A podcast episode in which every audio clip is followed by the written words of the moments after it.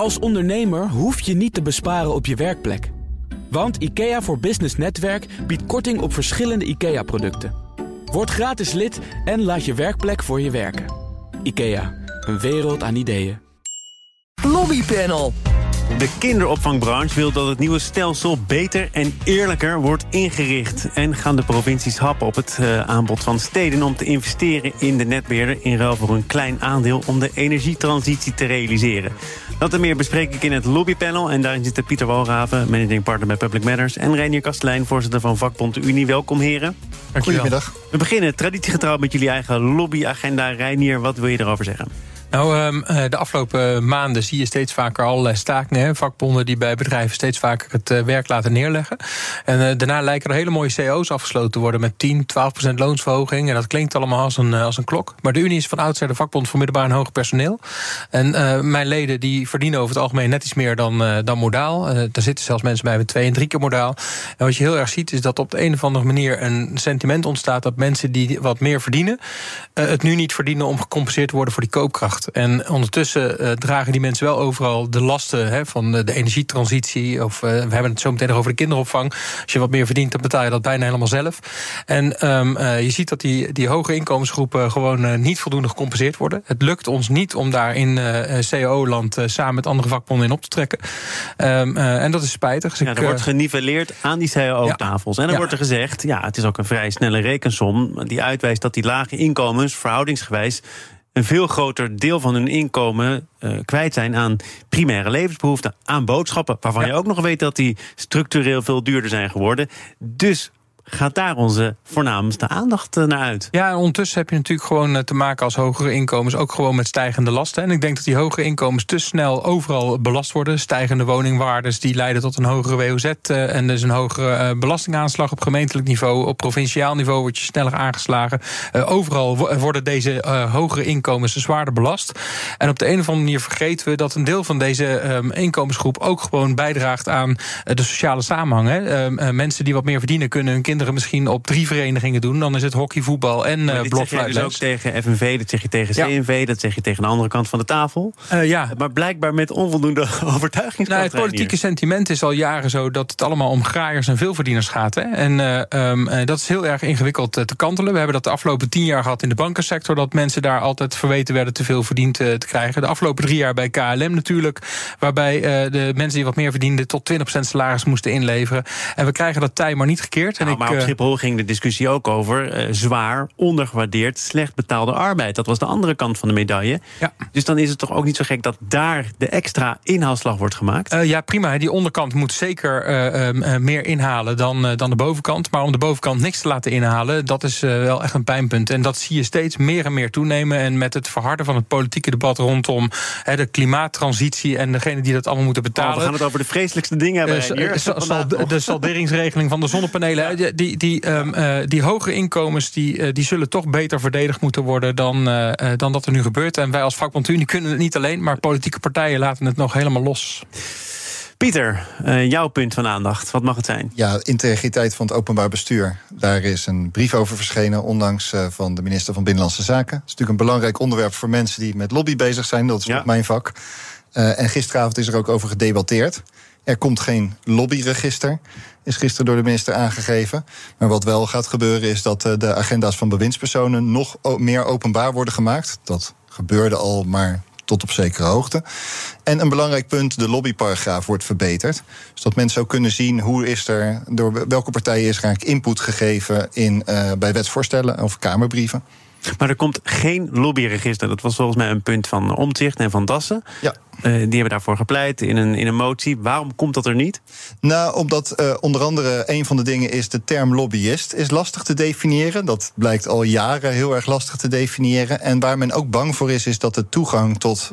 onder andere bewindspersonen daarmee wordt beperkt... tot mensen die dan lobbyist zijn.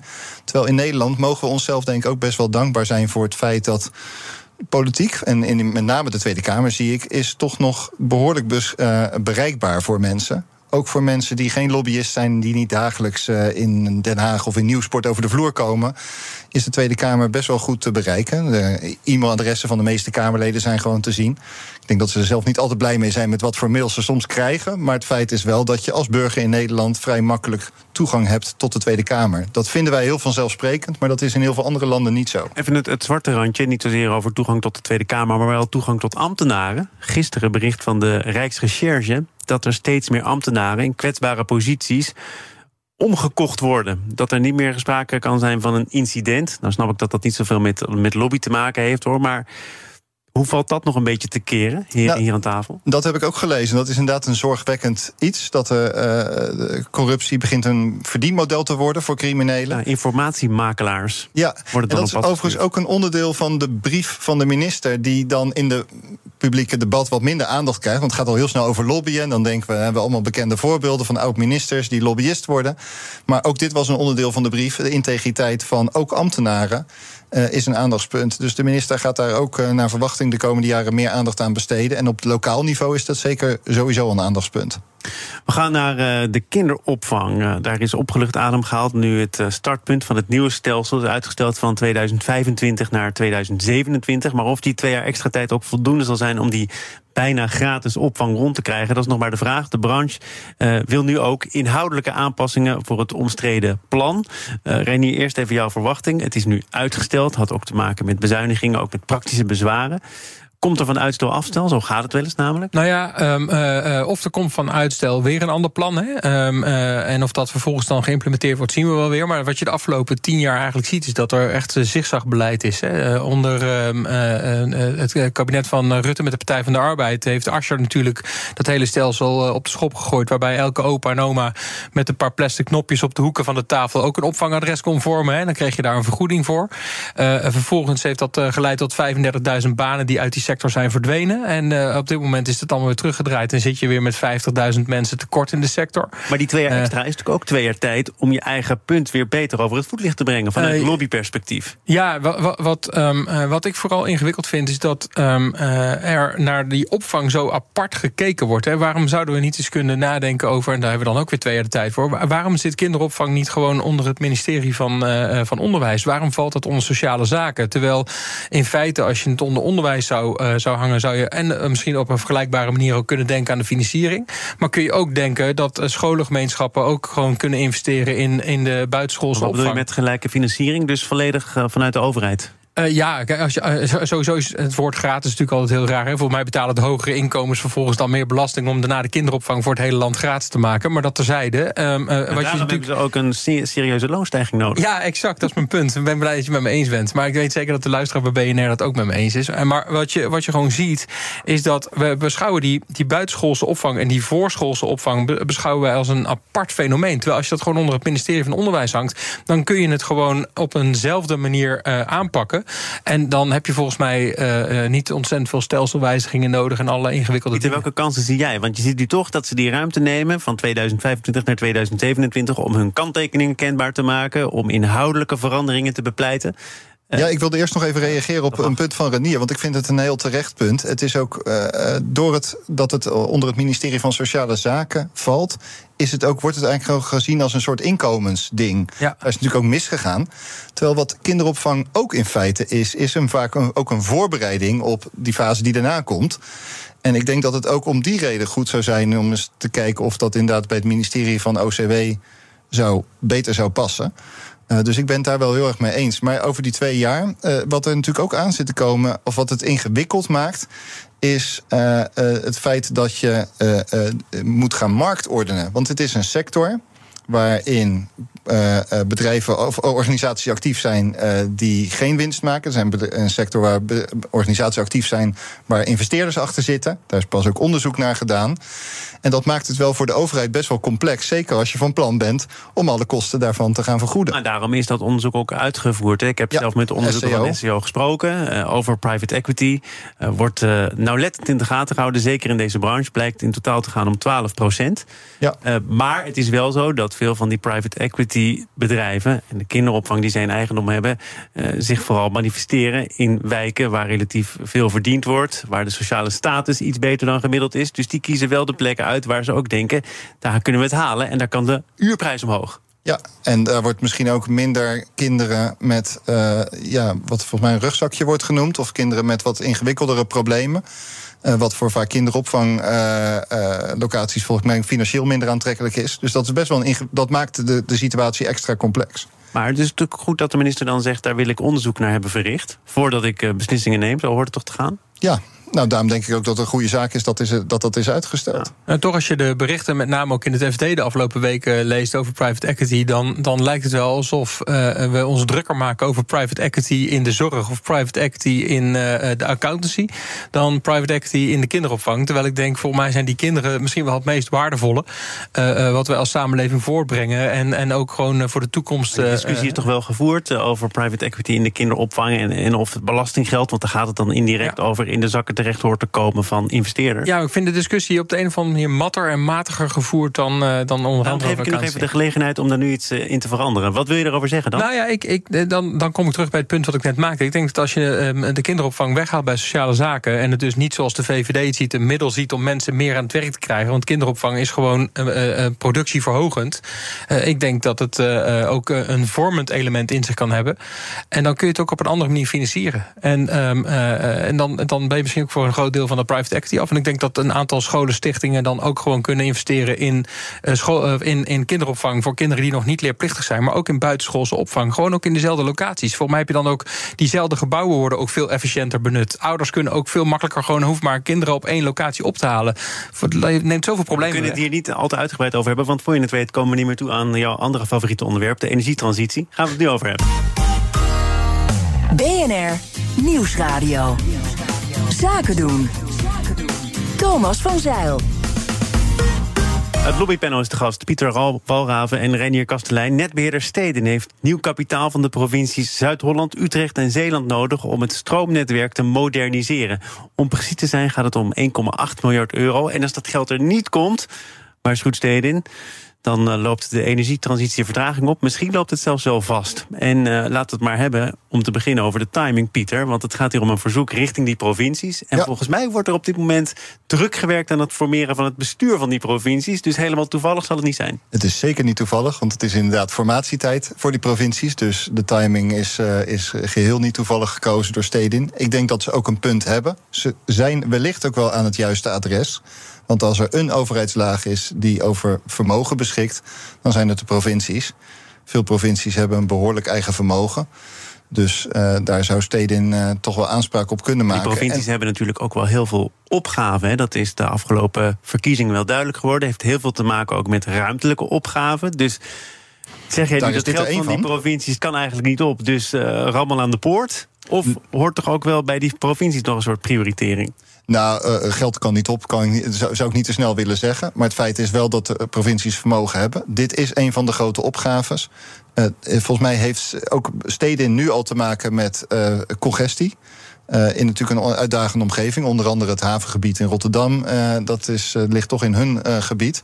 Dus er liggen behoorlijk wat opgaven. Ik denk dat dit er eentje is waarvan je terecht aan de formatietafel kan zeggen. Ook volgens mij veel verkiezingsprogramma's van provinciale partijen gaan hierover. Dus Reinier, eh, voordat we het hebben over of ze nou aan het goede adres zijn, is het wel logisch dat er inderdaad op dit moment naar die provincies wordt gekeken? Ja, de timing is natuurlijk hartstikke logisch. Maar wat me zo opvalt is dat steden op de een of andere manier een klein beetje de enige uh, lijkt die zo'n um, enorm bedrag uh, vraagt. Dat, dat zegt wat over de wijze waarop steden in de afgelopen jaren, voor mijn gevoel, met uh, het geld is omgegaan en, en, en een investeringsagenda. Nou, ze hebben iets minder meegekregen van die Eneco-splitsingen. Het gaat in dit thema heel veel over de Eneco-gelden. Ik geloof dat steden iets minder rijkelijk eh, bedeeld is. Of misschien wel niet, ik weet niet uit mijn hoofd. Maar dat betekent wel dat je uitgangspositie een andere is, toch? Ja, en, en uh, wat ik dan daarmee... Hè, want uh, Pieter zegt natuurlijk terecht... van het gebied wat steden beheert, met name ook het havengebied... Um, door het weg te halen bij de provincies... heb je natuurlijk ook al wel weer dat burgers daaraan meebetalen... voor een groot deel. Um, en ja, die burger moet die belasting ergens een keer ophoesten... en dat geld kan maar één keer worden uitgegeven. Um, dus je zou ook kunnen zeggen... moet, moet er niet ook gewoon meer worden aangeklopt bij die grotere bedrijven in de haven en alles daaromheen om, om dit mede mogelijk te maken. Die bedrijven hebben vervolgens ook weer de mogelijkheid, volgens mij, bij de Rijksoverheid een deel van die 25 miljard op te halen. Ehm, maar die bedrijven wordt nu gevraagd, denk nog eens na over wat je wanneer kunt doen. Hè? Valt daar nog iets mee te spelen? Dat moet dan weer wettelijk wel ruimte voor zijn. Ja, ik weet niet in hoeverre daar te spelen is. Want uh, uh, in een totaal andere um, klimaattransitiediscussie zie je gisteren dat er onvrede ontstaat als een KLM uh, meer sustainable airline fuel gaat gebruiken dan Brussel eigenlijk oplegt. Dus ik weet niet of die bedrijven individueel mogen afwijken van de plannen die er liggen. Dat Pieter wel, denk ik. Nee, dat weet ik nou, niet. de vinger op, dat is veelbelovend. Ja, nou, ik wil nog wel één ding. Op het moment dat ik aan die formatietafel zou zitten en dit verzoek zou bij mij komen, dan zou ik wel één vraag terugstellen. En dat is een een, punt wat nu al een paar keer zichtbaar wordt uh, in, in het afgelopen jaar. Als het gaat om aanleggen van infrastructuur, dat is onderbesteding. Um, ik zou aan steden vragen als je dat geld krijgt, ben je dan ook in staat om binnen een bepaalde periode dat daadwerkelijk te leveren? Want je ziet eigenlijk dat dit kabinet heeft bij het regeerakkoord voor een aantal grote infrastructurele wijzigingen heel veel geld uitgetrokken. En je ziet nu al in de, uh, de, de terugrapportages dat heel veel van die projecten niet zijn uitgevoerd. niet omdat het geld er niet is. Ja. Het geld is er niet, maar de mensen zijn er niet om de wegen aan te leggen of de elektriciteitskabels in de grond te stoppen. Maar het begint natuurlijk toch wel met, met geld dat je ter beschikking moet hebben. Want ik kwam de opstelling van andere netbeheerders tegen in trouw. Die vragen om meer waardering en soepelere procedures. Waarschijnlijk om echt tempo te kunnen maken. Maar, maar zonder budget. Ja, is de eerste voorwaarde er natuurlijk niet. Ik hoor dat er heel veel mensen tekort zijn om, dit, om die energietransitie te begeleiden. En dat zijn op alle niveaus. Dat zijn de mensen die bij jou en mij de ketels uh, moeten gaan vervangen. Maar dat zijn ook de mensen die de grote, dikkere stroomkabels in de grond moeten stoppen. Dus onderbesteding is serieus een, een issue uh, als het gaat om de energietransitie. Uh, nu we toch op dat uh, pad terecht zijn gekomen, het landbouwakkoord. Het ging er ook al even over eerder in deze uitzending met de voorzitter van het Nederlands Agrarisch Jongerencontact. Uh, is wederom een week uitgesteld. Over het conceptakkoord was afgelopen maandag helemaal niemand aan tafel echt tevreden. Met name LTO zei: we hebben nog forse stappen te zetten voordat er überhaupt nagedacht kan worden over een handtekening. Allereerst maar eens even over die tafels. Want Roy Meijer gaf wel een inzicht. Je hebt een hoofdtafel, subtafels. En het zijn allemaal mensen die elkaar de afgelopen jaren niet of nauwelijks. en als ze elkaar spraken, vooral in een onaardige context eh, tegen zijn gekomen. Uh, hoe krijg je dat een beetje op één lijn?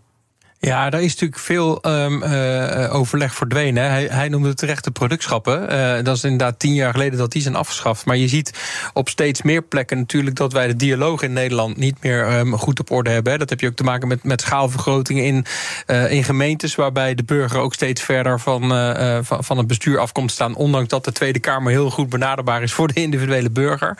En ik denk dat er op heel veel plekken de dialoog verloren is. Um, wij als vakorganisaties zijn natuurlijk heel nauw betrokken geweest bij het klimaat klimaatakkoord. Dat is ook zo'n zo'n hoofdtafel met allerlei subtafels. Er nog wel meer partijen bij betrokken, geloof ik. Ja, daarom. Daar was iedereen bij betrokken. En elke subtafel had een eigen verdienmodel. Hè? En dat zie je nu volgens mij eh, in het, eh, in het landbouwakkoord ook. En wat je gewoon ziet, volgens mij stellen we onszelf voor te grote opgaven in een te korte tijd. Maar het is voor de derde keer uitgesteld. Hè? Op een gegeven moment moet er wel iets komen, of niet. Ja. het is toch een heel complex iets. Dit, ik kan me ook wel goed voorstellen dat binnen deze tijd een hele sector op de schop nemen. En met alle respect voor Renier met de CAO-onderhandelingen. Ja. Dit is nog een stukje Exact. Uh, dus ik heb er wel begrip voor dat dit, uh, dat dit is uitgesteld. Al die partijen moeten het ook nog kunnen verkopen aan hun achterban. Ja, want uh, als er dan een handtekening wordt gezet, althans als die onderhandelaars aan die tafel het eens zijn, dan komt er nog een bestuurlijke consultatie. En dan gaat de achterban van al die partijen zich ook nog roeren.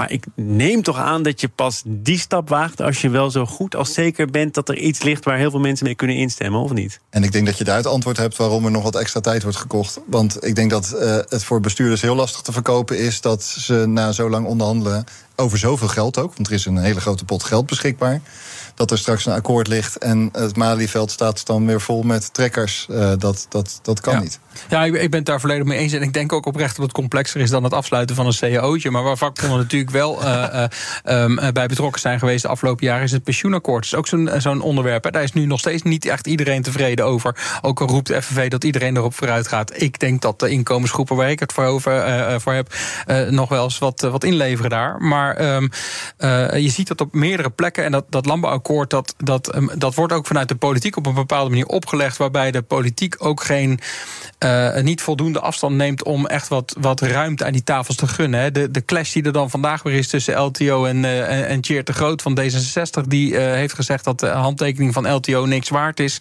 Um, ja, weet je, er is één handtekening echt het minste waard in dit land. Dat is de handtekening van een politicus.